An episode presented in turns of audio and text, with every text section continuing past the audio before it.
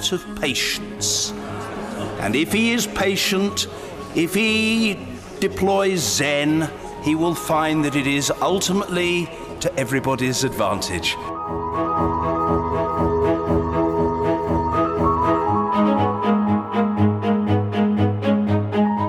Hi everyone, welcome to the podcast. My name is Armen Hakhverdian. I'm a political scientist at the University of Amsterdam. You can follow us on Twitter at Stukroodvlees or on Facebook. You can also follow us at uh, www.stukroodvlees.nl. So um, I'm continuing uh, our um, slate of international guests because um, Rob Ford is back from holidays. And I don't know whether you followed the news or not, but uh, things are um, heating up in the UK again. So we had to bring him back on. He's an old pal from mine from uh, from our college days in Oxford, and uh, he's currently a professor of politics at the University of Manchester. You can follow him on Twitter at Rob Ford Mancs. And um, yeah, he's been helping us these past uh, you know months to make sense of Brexit. If you haven't heard him before, I highly recommend our very first Brexit podcast, where we got into sort of the past of Brexit, how we how we got there, and uh, you know all the other pods in between are really about current affairs. I spoke to him once a week. So um, I also wanted to point your attention to last week's episode. I recorded a really nice conversation with Tarek Abou-Chadi, a colleague of mine from the University of Zurich, on the electoral misfortunes of social democratic parties. And I think especially with the Danish uh, elections um, behind us, and people seem to think, you know, that the nativist turn of the Social Democrats is the way forward for social democracy in general. And I think Tarek's uh, research speaks very much against those um, against those strategies. So um, yeah, go back and listen to that podcast if you find these things to be interesting. Okay, over to our senior Brexit correspondent, Rob Ford.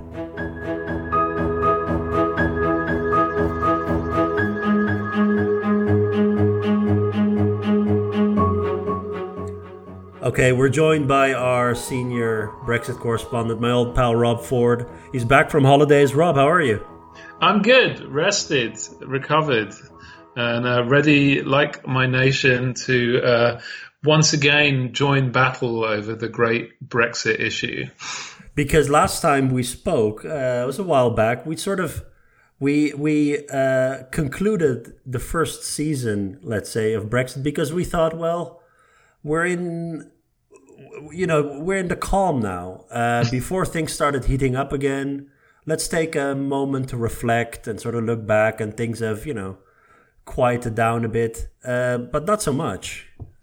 Yeah, this re- period of reflective calm, I was kind of rather optimistically hoping for, now appears neither calm nor reflective.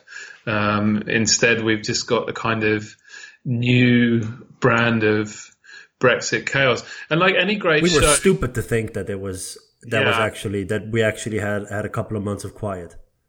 Indeed, indeed, indeed. It seems that the show must go on, and like any show faced with uh, um, derivative plot lines, repetitive characters, and sagging ratings, uh, Britain has decided to jazz things up by introducing new characters into the mix. Like uh, Game of Thrones, it feels a bit rushed. Yeah, or like The Simpsons when they introduced Poochie, except in this case, Poochie is Nigel Farage. so they, uh, there's a couple of things to uh, to talk about. Uh, there's been there's been some elections, obviously, and then of course there's the uh, Tory leadership um, campaign that's underway, and both of them are you know for political scientists this is this is like like crack cocaine. I mean it's um, I can't get enough of the European Parliament elections anyway. We've done some. Um, podcasts with some colleagues on their respective countries. Uh, but those were all very different because you actually have a five year parliamentary term.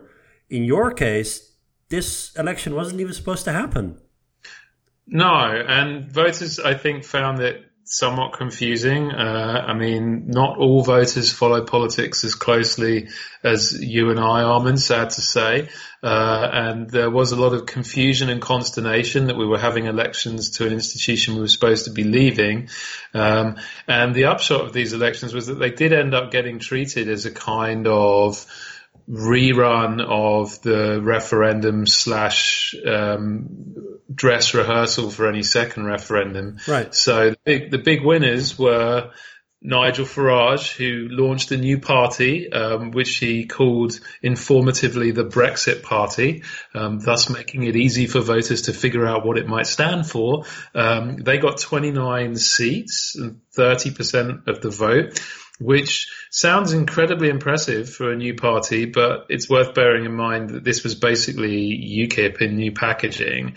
And in terms of the share of the vote and the geography of the vote, it looked very similar to UKIP. And UKIP uh, lost all of its votes, by the way.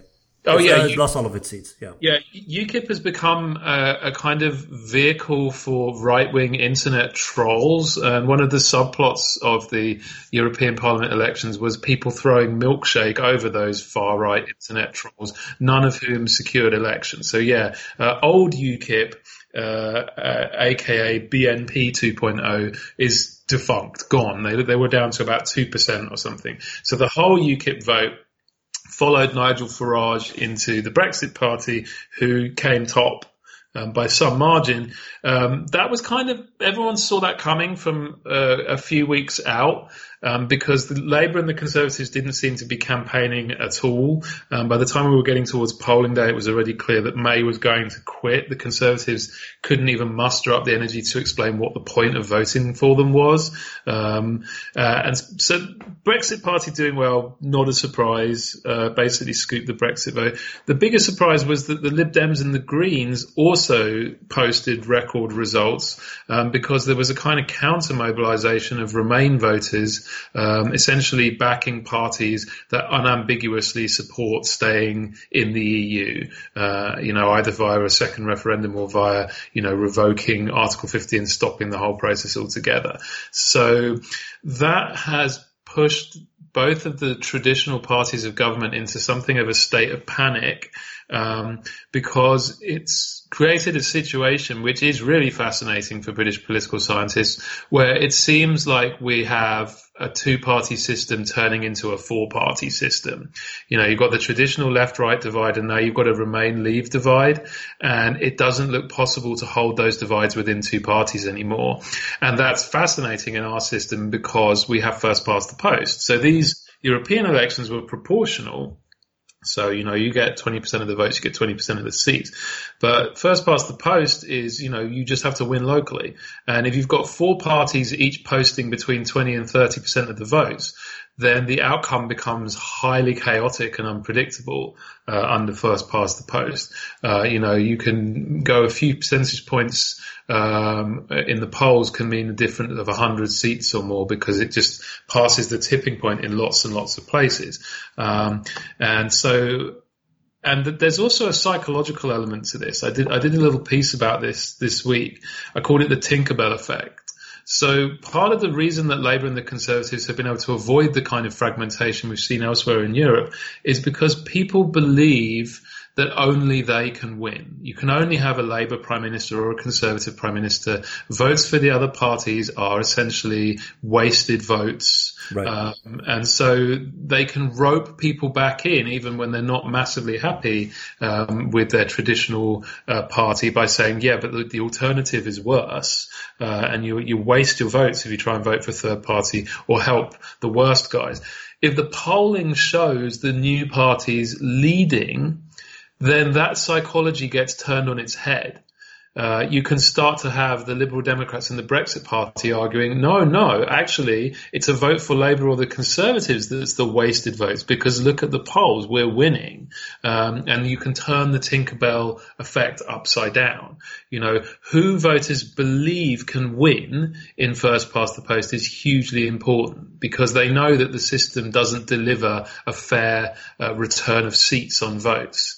Uh, and the, one of the weird consequences of this otherwise pointless European Parliament elections is it's completely scrambled the opinion polling and created this situation where Brexit Party and the Lib Dems can potentially argue to their voters, our vote isn't a wasted vote. A vote for the traditional parties is a wasted vote. And that's making things really super interesting right yeah. now.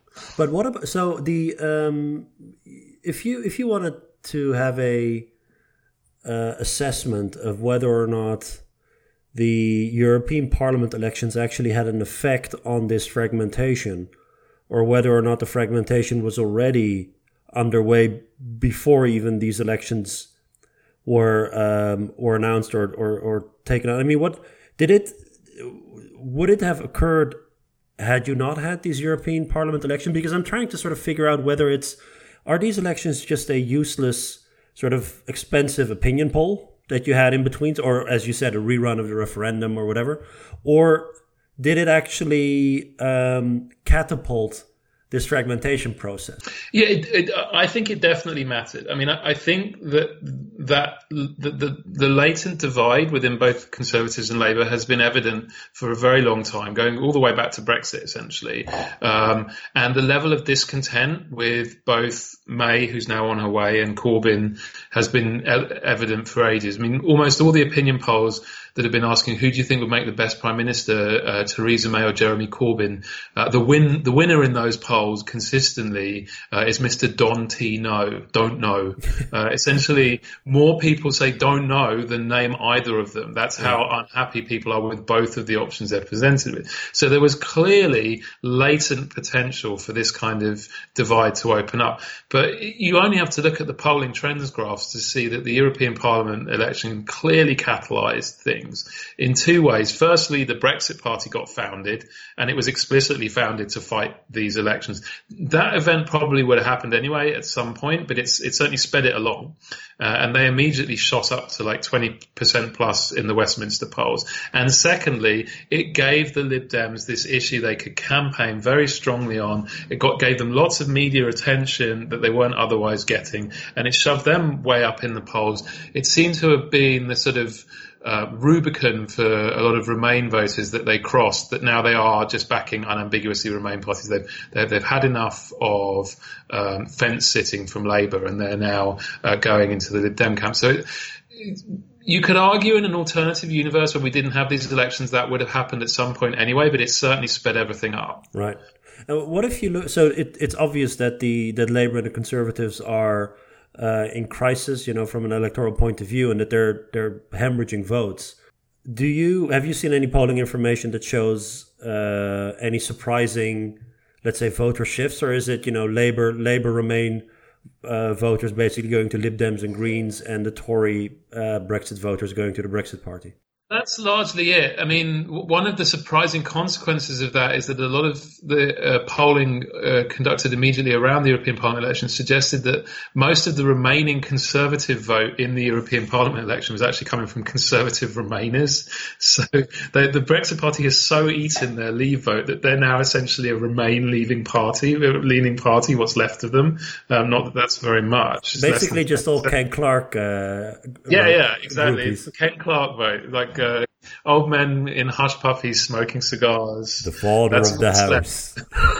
um, the other thing is, I mean, it wasn't surprising to me because I've been like moaning on about it for ages, but it seems to have finally, it's been a surprise to a lot of Labour politicians that, you know, their Remain vote is big and might vote for somebody else. I mean, this does not come as news to me. It shouldn't come to new, as news to anybody who, you know, looked at the polling on their vote.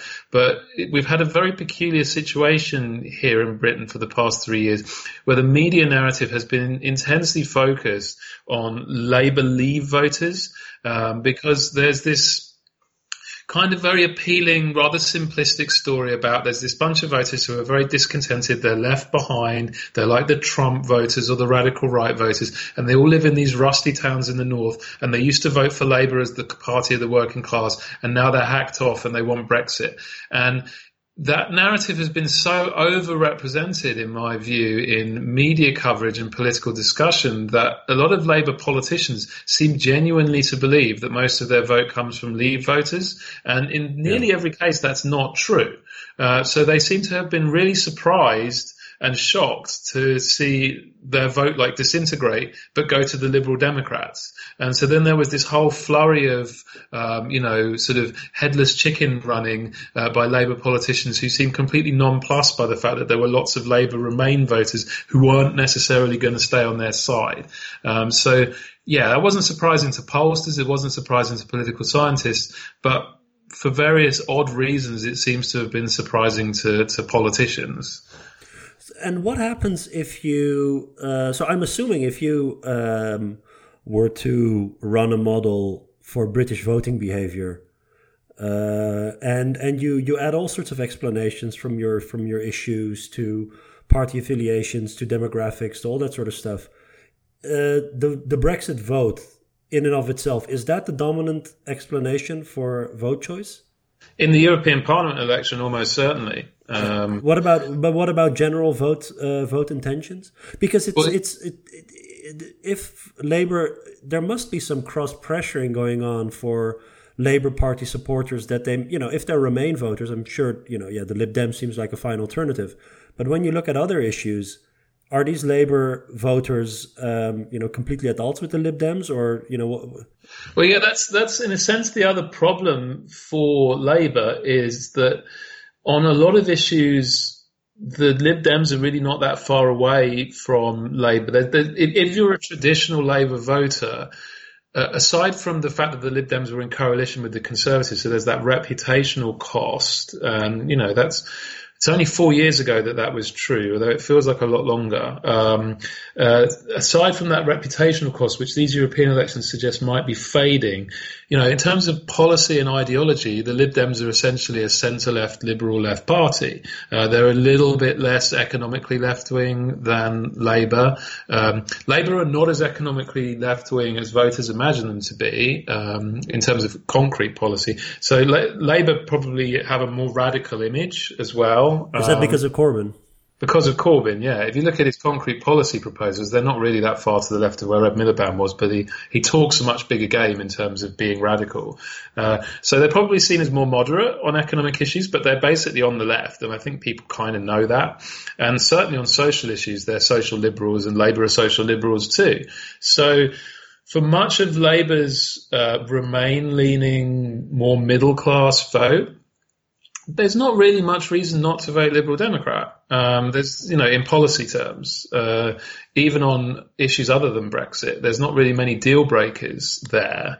Uh, aside from the possibility that the Lib Dems would do a deal with the Conservatives, and you know the the fact that they're jumping up and down saying Brexit is an unacceptable thing to them. I mean, their slogan in the European elections literally was "bollocks to Brexit." That's what they wrote on all of their leaflets. Uh, mm. The other effect of that, I think, potentially, is that it'll reassure voters that they're not going to do a deal with the Brexit Conservative Party because you know this is like a red line for them that Brexit must not happen. So that's a problem for Labour. You know, it's not like you know what is their line that they can take to, to tell voters that are considering the Liberal Democrats that they shouldn't, aside from it's a wasted vote, and the polling suggests that's becoming a more problematic line. It's not really obvious what it is. Right. And have you uh, seen any um, research on the generational uh, dynamics involved? Because last week I spoke to Tarek Abou-Chadi on on uh, social democracy in general and uh, there's this interesting thing going on that the that the social democratic vote is becoming uh, more and more, you know, based on on elderly pe- people, and that they're basically they're completely losing the young vote. Um, I remember us talking about this regarding Labour, where you had Corbyn, who was able to secure quite some um, support from the young and maybe even mobilize the young. But you know, if you look at the Brexit vote, obviously the young were overwhelmingly in favor of, uh, of, of Remain. Do these young people have they abandoned the Labour Party? Do you think? I think this is a very interesting question because certainly when you look at 2017 and in all the polling up until the past few months, Labour support was young and seemingly getting younger. There was this huge right. age generational divide between Labour and the Conservatives. But I suspect that is an example of first past the post interfering with and masking trends that are more evident in the party system elsewhere. Um, so, you know, if you look at, uh, as, as Tarek has done, the, the, Netherlands or Germany and so forth, um, where you've got proportional systems, the young are gravitating to these new left parties, green parties, socialist left parties, um, so forth, uh, and the old stick with the traditional social democratic parties. You see the same pattern in Britain on something slightly different. If you look at partisan identification, uh, older voters in Britain still tend to uh, say older traditional left voters still tend to say that they identify as Labour. Labour is part of who they are. And in that sense, they're like older social democratic voters elsewhere in Europe. The young have been backing Labour, but transactionally. They've been backing Labour because they think Corbyn is their kind of left, number one. And number two, they think he's the only way to beat the Tories, which is very important to them. Uh, both of those appeals, transactional appeals, are now eroding. Labour's persistent refusal to unambiguously adopt a pro-European stance is starting to alienate the young voters who back Corbyn thinking he was their kind of guy. And with the polling now much more confused, the case that this is the only way we can stop the Conservatives and stop Brexit is also becoming less strong. And then the problem becomes that young voters in Britain are not so different from young voters elsewhere in, in Europe in that they are much more open to alternative appeals. They're more open to the Greens, they're more open to the Liberal Democrats. So they're not going to stay in the social democratic big house uh, out of a sense of tribal loyalty, um, which which again poses a big risk to Labour. They did very well winning these voters over, but holding on to them is difficult because they aren't necessarily going to stick around uh, when they're not happy. Right. And what about on the right? You you have the massive shift or vote vote switching between Tories and Brexit Party. Is it at all clear what the Brexit Party's policy platform is apart from Brexit? No. Okay. It doesn't have one. No. it's quite a simple question to answer. It doesn't have one. It doesn't have any intention of having one. Seemingly, uh, it is it is uh, functioning as a personalised, single-issue populist party. Uh, I mean, it's going to be interesting, I think, for students of the and researchers of the radical right because the, what what Farage seems to be doing the Brexit Party is not so different. I guess in my mind, the nearest analogy is like the Movement Five Star in uh, Italy. Uh, Farage is deliberately avoiding any kind of substantive ideological appeal at all. He's not even talking about immigration, which was like standard territory for UKIP a few years ago.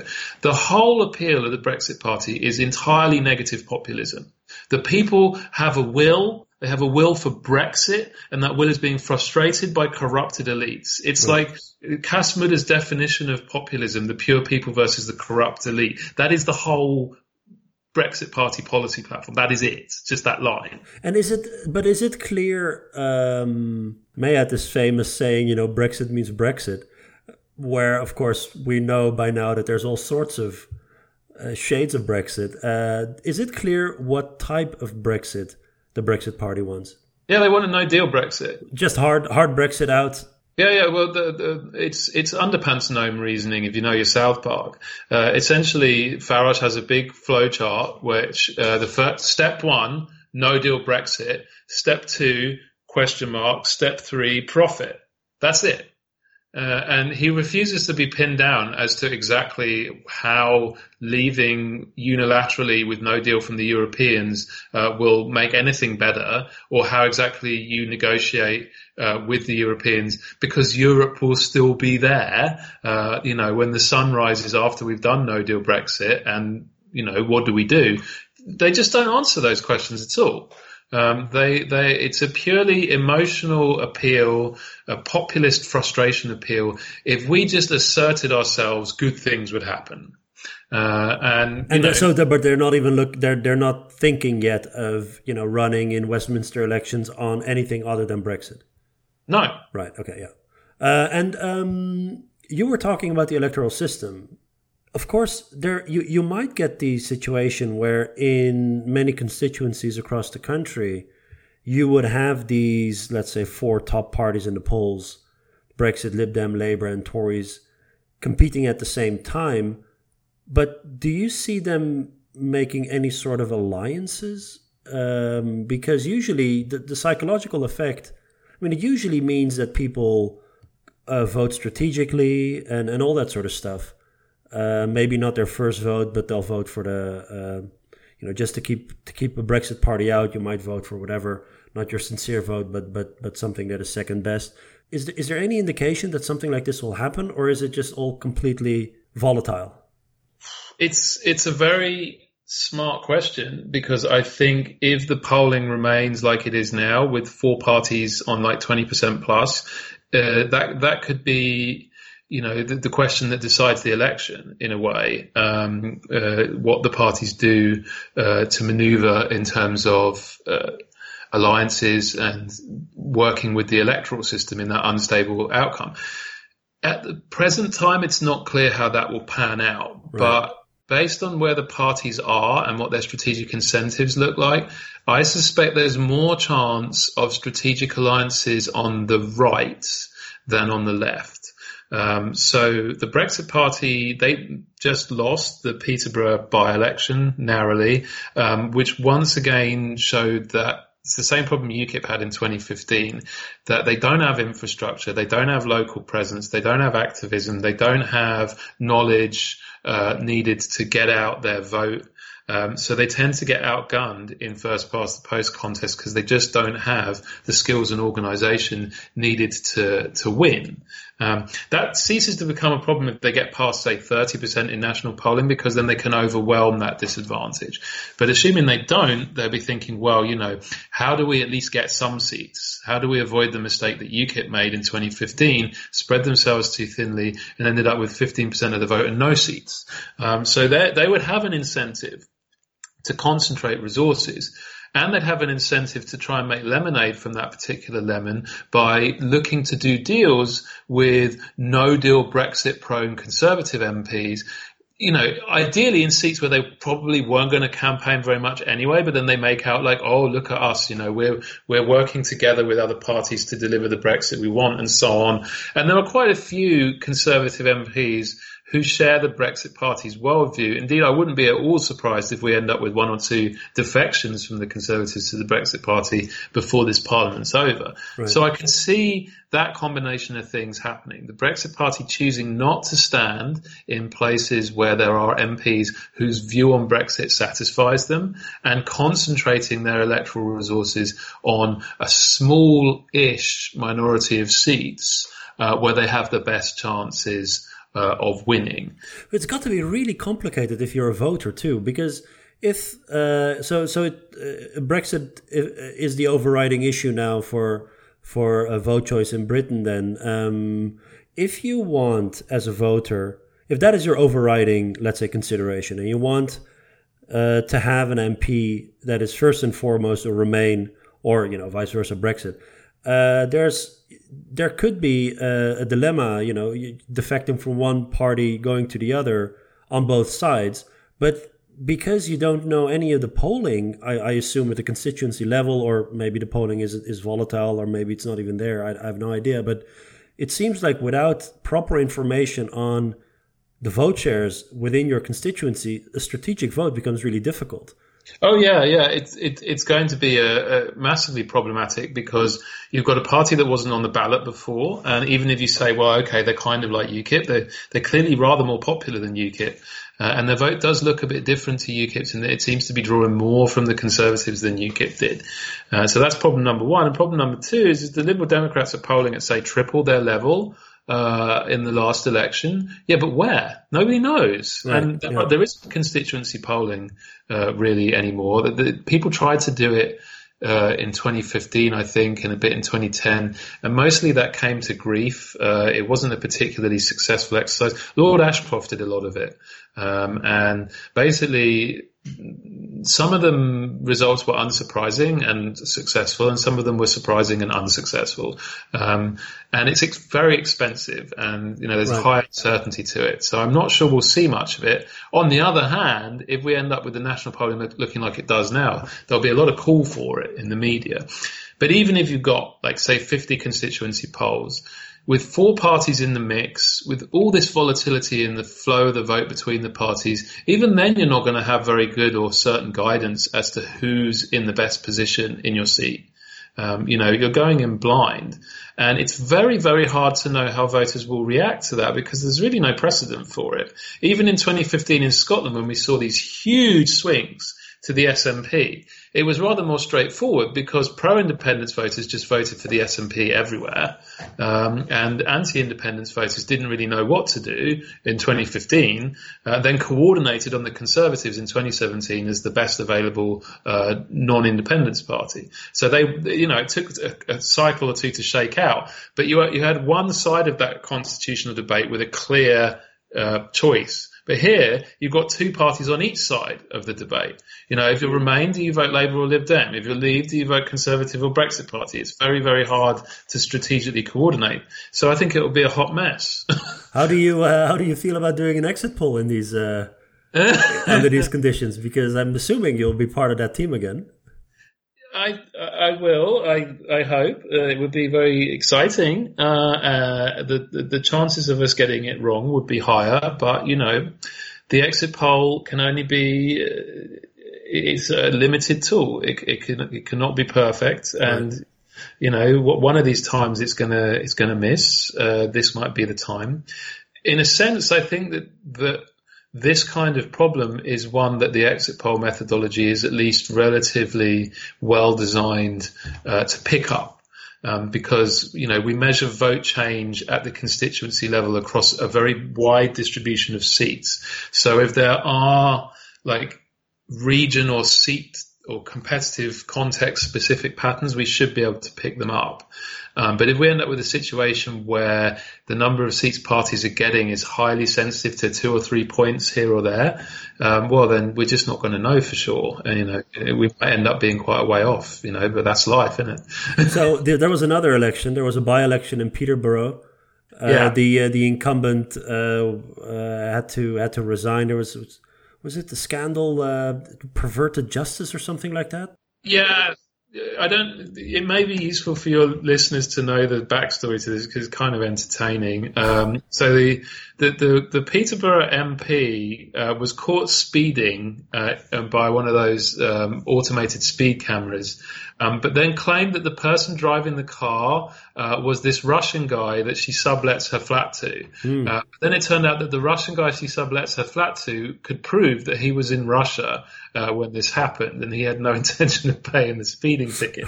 right. Uh, at which point she got accused of perverting the course of justice because it became clear that you know she was driving. Right. Uh, she got sent to jail.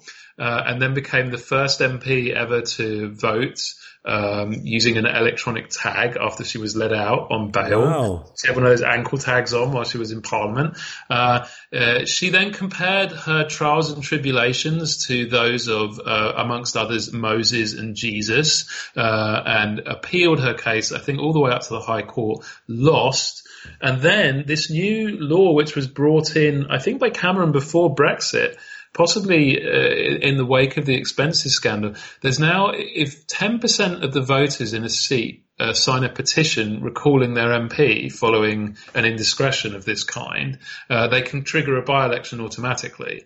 And I think something like 30% of the voters in Peterborough wow. said they shot of this woman. Um, so she was gone. Uh, and then we had a, a by-election uh, in a seat which uh, where the local authority was 61% leave, and where the MP, until this woman with the speeding offence took over in 2017, the seat was represented by Stewart Jackson, who was one of the most arch hardcore Eurosceptic headbangers in Parliament. And it was, a, but it was a Tory seat for something like 14, 15 years or so before.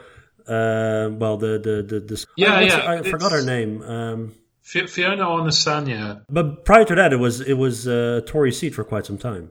Well, since 2005. I mean, it's been quite a marginal. It's sort of okay. swung the nation in a sense. It was Conservative all through the Thatcher major governments, then Labour 97 till 2005, then Conservative until 2017. And it's always been relatively close. I mean, it was okay. so it's a swing. It's it's actually a swing. Uh, swing. Yeah, it's it's it's a, it's a marginal seat. It's a swing seat. It's a Brexit seat. So this was a really interesting sort of testing of the waters. Mm. Uh, and we ended up with Labour winning despite losing nearly 40% of their vote from 2017 on one of the lowest vote shares. I think the lowest vote share that a winning party has achieved in a by-election for 101 years. 31%, I can 31%. So t- more than seven, well, nearly seven in 10 voters voted for someone who isn't the winner. Yeah. You know, that's the genius or insanity take your pick of first past the post. Um, you know, and the Brexit Party came second with 29% and the Conservatives then with 21%. So the two right wing parties between them won a full 50% of the vote, and yet they lose because they split the vote so evenly. So yeah, that's that's why I was was asking that question before about you know if you're a Brexit voter, defecting from the Tories to the Brexit Party seems like an obvious thing, but if you have no information on the on on how or if it's not coordinated at least, you end up with something like this: twenty nine percent Brexit, twenty one percent Tory, and the Labour and the Labour Party wins the seat with thirty one percent.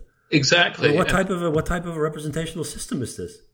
It's nuts, Armen, but it's the, it's the one we have. uh, also, the, uh, the, so Peterborough in the EU elections, uh, Brexit Party won thirty seven percent uh, of the of the vote, um, where you know it was fifteen percentage points ahead of uh, of Labour. Yeah, and they, they clearly lost some of that, and that, that again comes down, I think, partly to lack of like campaigning infrastructure and stuff like that. They couldn't turn their vote out so effectively. Um, voters are not yet convinced they're a Westminster party, and you know th- this election, coming back to my Tinkerbell effect, this election was really important because exactly a lot of voters are going to point to, to, to Peterborough and say, well, this is why I can't risk a vote for the Brexit party because look what happened in Peterborough. You know, whereas if the Brexit party had got another 700 votes then their candidates in other seats would have been able to go around and say, no, no, look, we can win. We can win seats outright. But you might you might as well just say, I can't I can't vote risking for the uh, I can't risk voting for the Conservative Party. At least I know what the Brexit Party is going to do. The Conservative parties have uh, the Conservative Party has wasted three years on Brexit with nothing to show for. Uh, yeah. To me, looking at the Peterborough uh, results, I would be terrified if I was the Conservative Party. Well, yeah, you've got to wonder what those 7,200 Conservative voters are going to do next time because, right. you know, they're going to think, well, we only need a few of us to overhaul the Labour lead. So, you know, yeah, it depends which heuristic voters use. Yeah. If they use the heuristic of which party has a proven capacity to win, then they're going to stay with the Conservatives. If they use the heuristic of which party is in a better position to win, then they could go for the Brexit Party. If they use the heuristic of which party is better going to deliver the Brexit I want, they might go to the Brexit Party too. It's and it's very hard to know ahead of time which heuristic will prove most popular with, with voters. It could be in a situation where local campaigning plays a larger role than usual because if local campaigners are able to get voters to think about an election in a particular way, it could have an outsized effect given all this uncertainty. You know, which again, great fun and very interesting for political scientists, but also highlights that this way of electing a parliament is insane. Yeah. The uh, because I'm I'm uh, the um, so No Deal is polling quite well under Brexit voters, right? Yeah, yeah, yeah. I mean, like now, I think more than half of um, Leave identifying voters want No Deal. So if if Johnson uh, becomes prime minister, and you know, I think he's not that afraid of a No Deal, maybe that hurts the Brexit party a bit. I have no idea. It's also it's also uncertain. Well I guess that like brings us on to the conservative yes, let's move on. Um, yeah, so let's let's talk a bit about that. Um, While you were on your holidays, Rob, I don't know whether you followed the news, but Theresa May announced her resignation. Yeah, it was it was a sad day um, for everybody. Um, you know, uh, so many wonderful achievements uh, over the past three years. Uh, I'm trying to think of um, any of them, but what I'm do you sure think her legacy will be? Failure. but I mean, at the very bottom of the list, right? Well, I mean, her legacy might be destroying the Conservative Party over Brexit. That literally could be her legacy, um, because her failure to secure a viable legislative coalition for any kind of Brexit deal is why the Conservative Party now faces an existential threat. And, you know, people will say, rightly, she was dealt a very difficult hand, um, but she played that hand incredibly poorly. But, um, but hang on, she was dealt a very bad hand. She called that snap election, right? Yeah, but I mean, like by the Brexit thing. The, okay, yeah. The, the, referendum itself handed a impossible to resolve problem uh, to the prime minister. So any prime minister would have struggled with that. Right. But yeah, exactly. One of the ways in which she played that hand terribly was calling that election. Another was running a dreadful campaign in that Mm, election. right. Another was setting completely unrealistic red lines about the Brexit negotiation. And the fourth, possibly worst of all, for those of us who know the literature on things like framing and legitimation, was saying over and over and over again through 2016 and 2017, no deal is better than a bad deal. The reason we have one third of the British public thinking that a no deal Brexit is a perfectly fine and legitimate o- uh, option right now, well, there's many reasons, but one very big reason is because the occupant of number 10 told them so for 18 months. Yeah. Even though she must have known that that made no sense. So, yeah. Who do you think history will uh, will judge more uh, harshly, uh, Cameron or May? I think it'll be a close run contest. um, they both have their distinctive brand of incompetence to throw into the mix. Um, I think probably May, frankly, of the two, but that might be recency bias. So maybe I'll feel differently about it in five years. All right, let's let's go into the the succession. How's the campaign going? It is managing to exceed my worst expectations. How's that possible at this point?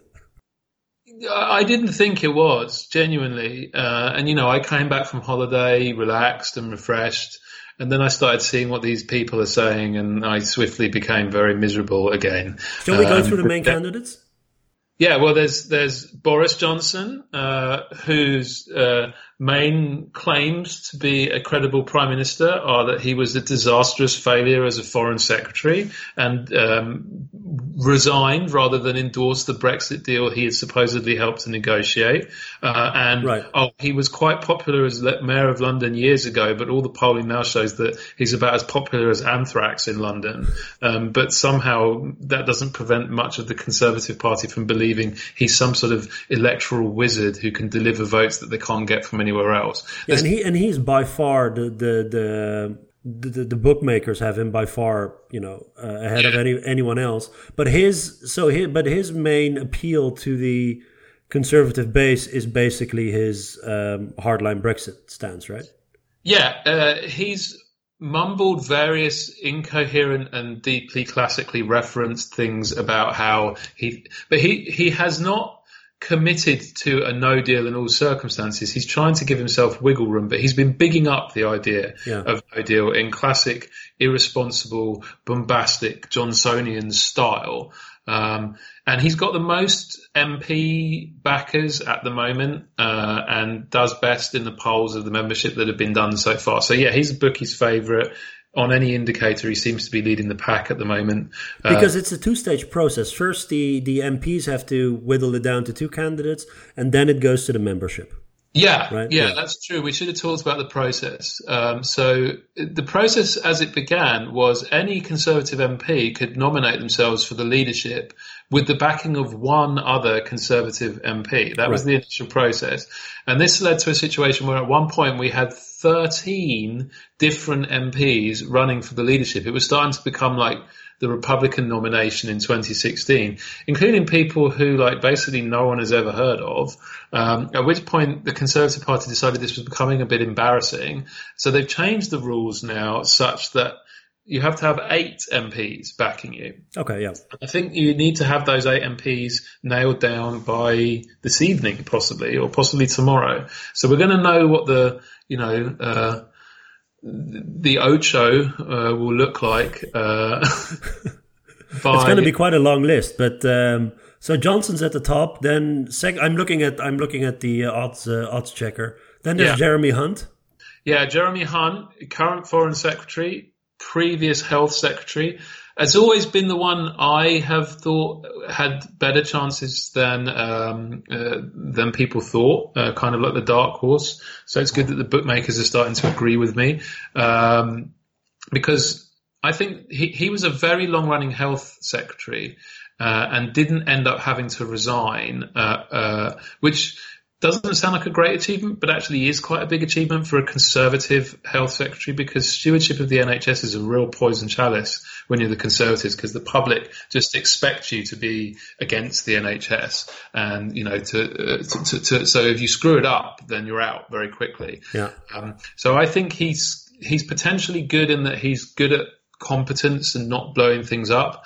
Um, he hasn't started his campaign that well uh, because he announced yesterday that he wants to halve uh, the uh, time limit on abortions um, thus opening a culture war can, can, of worms that hasn't featured in British politics for a generation. Uh, it's not obvious to me at this stage why he's doing that. Uh, possibly he thinks Conservative members are very socially conservative, and this might be a way to peel them off.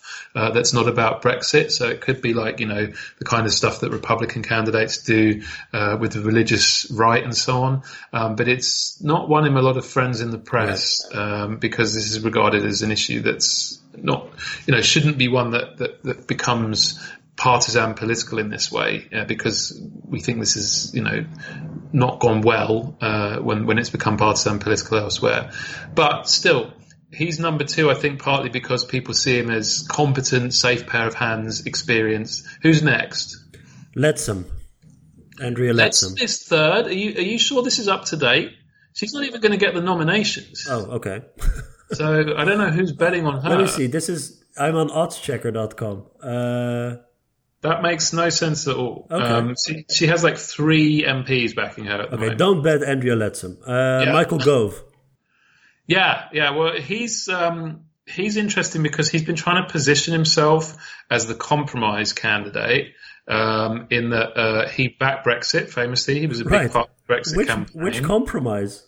Uh, well, compromise with reality, I guess. Okay. Uh, so uh, he's trying to get Remain voters to support him on the basis that he's not as ridiculously unrealistic about the Brexit process as some of the other ones, and that given that the Conservative membership is going to back a Brexiteer, they need someone who can beat Boris Johnson, and you basically have to be a Brexiteer as a prerequisite for that, given the membership. So he's trying to persuade them that, that he's the most sane Brexiteer available, uh, and he has also not exactly got out of the traps um, without a hitch at the beginning of this leadership race because he spent the whole weekend uh, dealing with a big scandal that blew up over the fact that he was doing cocaine uh, well into his 30s, according to a new biography that's just come out, uh, which means, amongst other things, that he lied on his visa application to the US where they ask a question saying, have you ever broken drugs laws? And he said, no, I haven't. Oh, oh, oh. Yeah. So he's, uh, you know, white lions don't do it, Armen. That's the lesson that uh, that Michael Gove has been learning the past few days, and it's not clear at this stage whether or not uh, he's going to survive the scandal. Uh, it's fair to say that given that the average conservative member is a socially conservative 50 or 60 something, that these um, allegations of Bolivian marching powder fueled partying well into your 30s probably won't go down too well with the electorate that he needs to win. They don't like that? Okay. Apparently not. No. All right. so then we have uh, Javid, Rob, uh, you know, these that's are not, long. That's these one are long person, man. that's two people. Yeah, yeah, yeah. We have so, yeah. Sajid Javid, aka the Saj. Right, the Saj. Right, and then you, we have Dominic Raab, but we're getting into long odds. I think these are, or do you think these actually stand a chance? Both of those guys have some chance okay. of getting to the final two. Um, Raab is trying to position himself as the most hardcore of hard Brexiteers. He was last week campaigning to outright prorogue Parliament in order to allow no deal to happen. Um, which was possibly the most crazy thing someone said in a leadership race for a while it amounts to ah, so you're telling me that the House of Commons won't allow no deal because there's not a majority for no deal in the House of Commons. Aha, but. Um, you know, and then using that smart guy meme off of Twitter, what if there's no House of Commons to stop it? so his plan is literally to sort of announce that the Commons is shut uh, for a month, uh, with the Brexit deadline in the middle of that month, uh, and then Brexit will happen because the House of Commons can't stop it if it's not open. Um, there are some fairly obvious flaws with that plan. Uh, amongst them, the perception that it amounts to dictatorship. Is it legal? It is technically legal, but it would require the approval of the Queen, and it's fair to say the Queen's not keen. It also would not be possible if the Speaker was to take action to prevent it. And the Speaker has made it abundantly clear that he won't allow this to happen. Um, no, I can so, imagine. Yeah, yeah. He's he's not delighted with the whole idea, um, and you know, you you can imagine that he. Uh, as we know, Armen, from our earlier Brexit therapy exercises, when the speaker takes a strong view on something, you know, he can make sure that that view is, is respected by the Commons. So that's not going to fly, but Raab is still going around saying right. it because he wants, he wants, he, he basically wants the section of the Conservative MP base that's not in the reality based community. And it's a fairly large number of MPs. So that's his strategy. All right, let's do, uh, let's do the Saj then. The Saj. The Saj is the, the, the final one. Yeah, and um, his I guess his big USP would be he would be the first ethnic minority prime minister, mm-hmm. the first Muslim prime minister. Those are both big deals uh, in terms of looking beyond Brexit. He is or was a Remainer. He's now like on the leave side, um, but I think his whole pitch would largely be I promise I will do Brexit, but if you're thinking about how the Conservatives are going to renew themselves after Brexit, I'm a better idea than these other guys. Um, whether or not that flies, I'm not sure it will, but it's, you know, he does at least have some unique selling points on that front that the others don't. Yeah, I wanted to ask you about what options May's successor will have anyway, given that the House of Commons is still the House of Commons that May left and given that the EU has said that they won't renegotiate. So what's the wiggle room of these people? Well, this is this is the source of my profound frustration with this process as it's as it's as it's happened is that we know that these two very strong constraints exist. Number one, that the House of Commons, that there's not a majority to sustain no deal, uh, and not a majority to sustain a lot of other things too. And secondly, that the EU is absolutely dead set against renegotiating this withdrawal agreement. And rather than explain how they will work within these constraints, Thus far, the Conservative leadership contest has consisted of a series of fantasy exercises, which it seemed to they're like hard right fan fiction. You know, they're, they're in some alternative universe where you can just wave a magic wand and those constraints disappear, um, which is how the Conservative Party was behaving, you know, in the run up to the Brexit vote in, in, in the first place. And it's completely unhelpful, um, both in terms of we just have no idea what these people are going to do, so it ups the uncertainty, and in terms of the effect it has on public expectations, because none of these people are explaining to the public what the trade-offs and the constraints are. We're back to this belief that if only we believe hard enough in unicorns, they will magically fly to the rescue. And it's just bollocks, Armen. It's yeah. really annoying. Um, because when we get to having a new prime minister, whoever it might be, in September, they're going to crash right into those same constraints. Yeah. And the problem of having had a three month campaign that doesn't explain what happens next is that we're back to that state of total crisis and mass massive uncertainty that we spent the entire spring in. Donald Tusk said, we're giving you a big extension, don't waste it. By September, we will have completely wasted more than four fifths of that extension on utter nonsense. I mean, I can't even see if they, is any one of these candidates um, has, has spoken out that they will take the withdrawal agreement as a basis for anything. No, no I don't think any of them have. Right that, that all of their can- campaigns are premised on renegotiating, renegotiating a document which the EU has made it abundantly clear they don't intend to renegotiate. So it's basically no deal. That's the other. That's the only other option that they have, right? Well, they basically, you know, the, the, the primary division amongst the Conservative candidates is between two fantasies: the fantasy where they renegotiate the withdrawal agreement, and the fantasy where they leave with no agreement at all. Neither of those things is viable. Neither of those things is going to survive contact with reality in September. And it is utterly absurd that a group of 12 people, all of whom have aspirations to lead this country, the only one of them who's got anything like remotely sensible to say on any of this is the um, opium smoking Afghan mountain climber Rory Stewart, who has precisely zero chance of winning this contest. Um, you know, which is possibly why he's willing to actually, you know, negotiate with reality, whereas the rest of them want to negotiate with the competing fantasies of the Conservative Party uh, membership. Uh, and that, of course, is the root cause of this ludicrous mess, which is that all of this is our next leader taking us through the most important constitutional change we've gone through in generations will be decided by 160,000 ideologues, right. um, whose views on this issue don't marry up with uh, the rest of the public and don't marry up with the reality of the political situation. And that is the electorate whose fantasies all of these individuals have to cater to. It's right. absurd.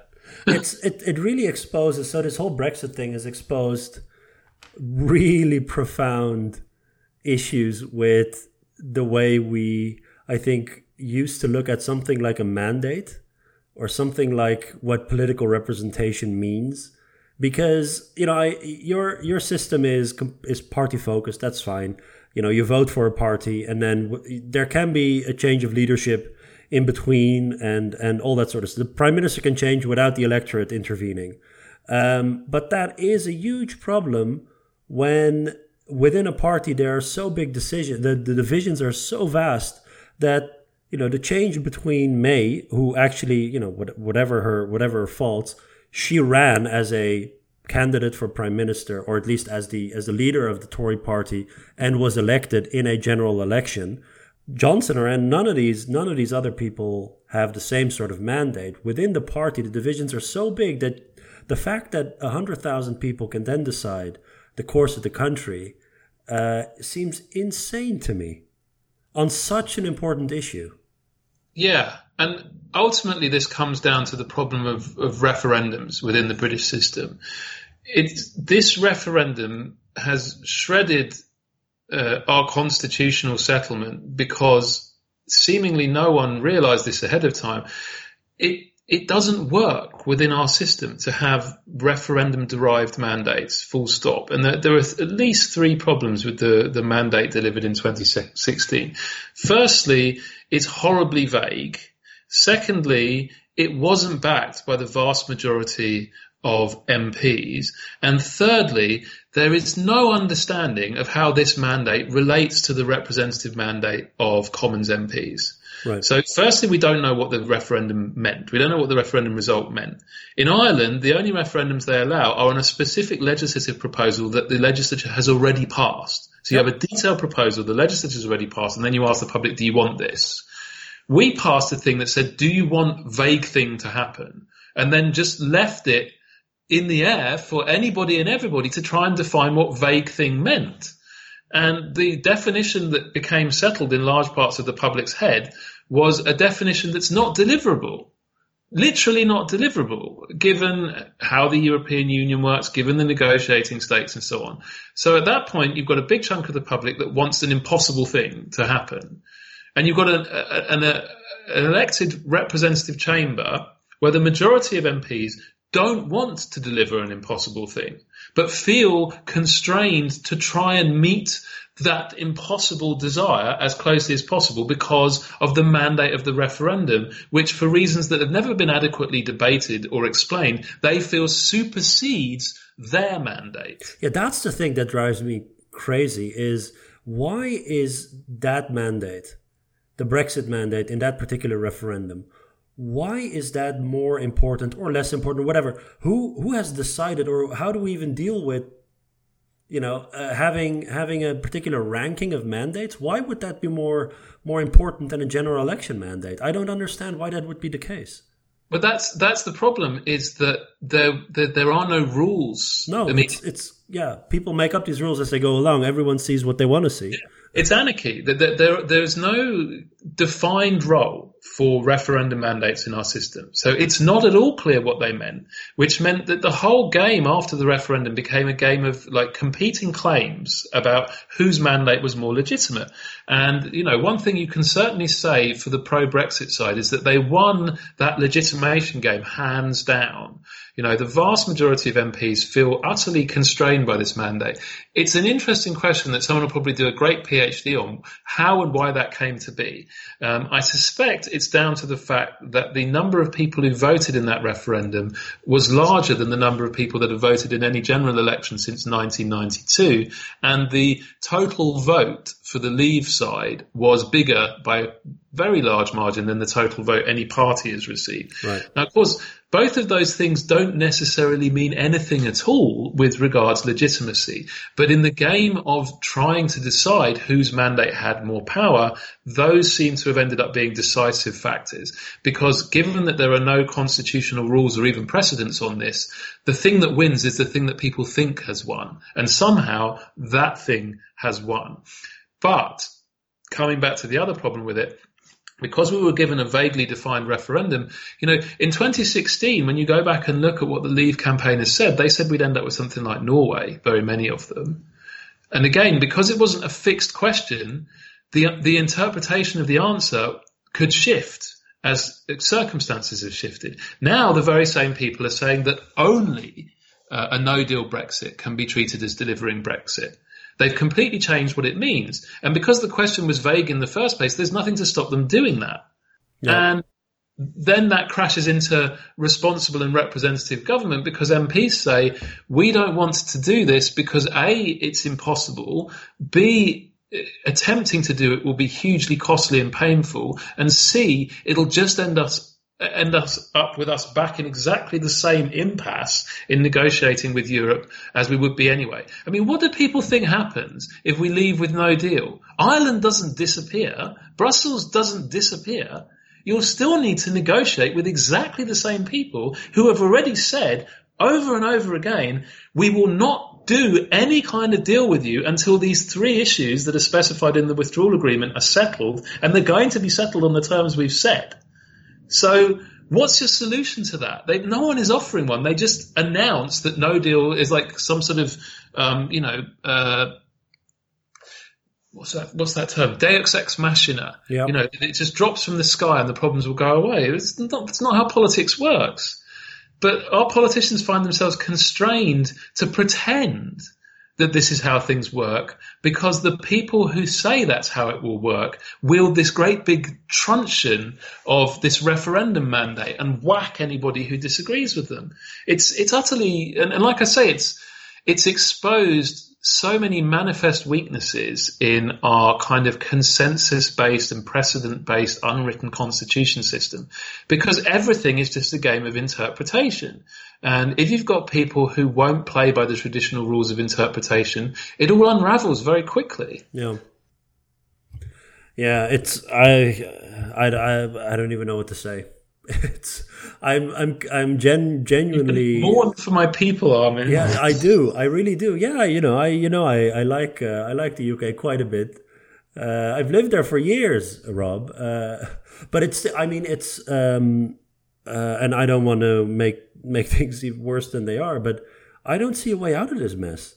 And no. sort of the, the the lasting damage this does to people's evaluations of the legitimacy of the system uh, what it does to um, citizen engagement or how generations are, are, are either mobilized or demobilized. I mean, I it's it's way too early to say, but I can't imagine how it does not do any long term damage.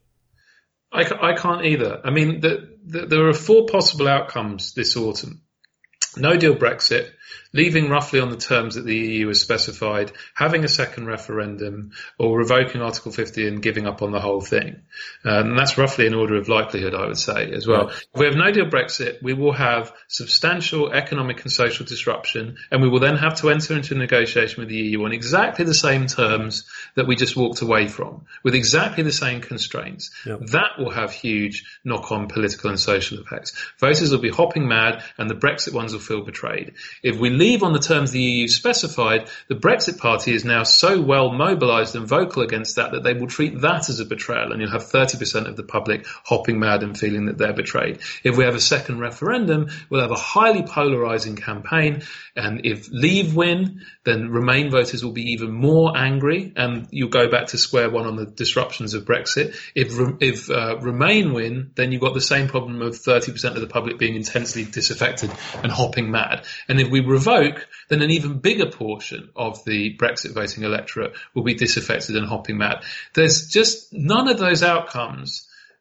avoid years and years of really toxic public anger uh, in uh, in our politics. Um, which is now likely to be formally organised into our politics, either via Brexit Party MPs or via Conservative MPs who are essentially mouthpieces of the Brexit Party anyway, either because they sympathise with the Brexit Party's position or because they're terrified of losing to it. So, you know, it's just not going to go away, any of it. Um, and it's going to be I mean, it's it's really hard to see how we get to a situation where this issue doesn't dominate the political agenda, because that's the other reason that this is going to be deeply politically harmful over the longer run. Is so many other issues in this country that need attention and resolution, but we just. I thought you fixed every other every other issue. Sadly, no. No. Oh, okay. if only. So you know, it, there's a kind of rotting of the public uh, uh, agenda. Uh, you know, everything else gets ignored, gets deferred, um, doesn't get properly debated or addressed because all the space in the room is taken up yep. by this by this argument. And yeah, I, I don't see how we get off of that. I suspect the only thing that will displace it will be another crisis coming along that forces everybody to speak about something else. It's not obvious how it can be resolved internally. It'll take some sort of external event to force the agenda on. And, you know, goodness knows what that would be. Right. I guess another recession would be the likeliest one. There's only one silver lining to all this mess, and that's we'll talk to you more often. Well, I'd certainly feel in need of more therapy. As you can tell, I'm feeling very frustrated God. and upset. Hang in there, Rob. Oh well, it's been fun, Armen. It's good to have you back on. Oh yeah, well it's yeah, it's it's been fun. It's good to talk through our problems. Yes. I'll talk to you next time. Thanks so much. No problem.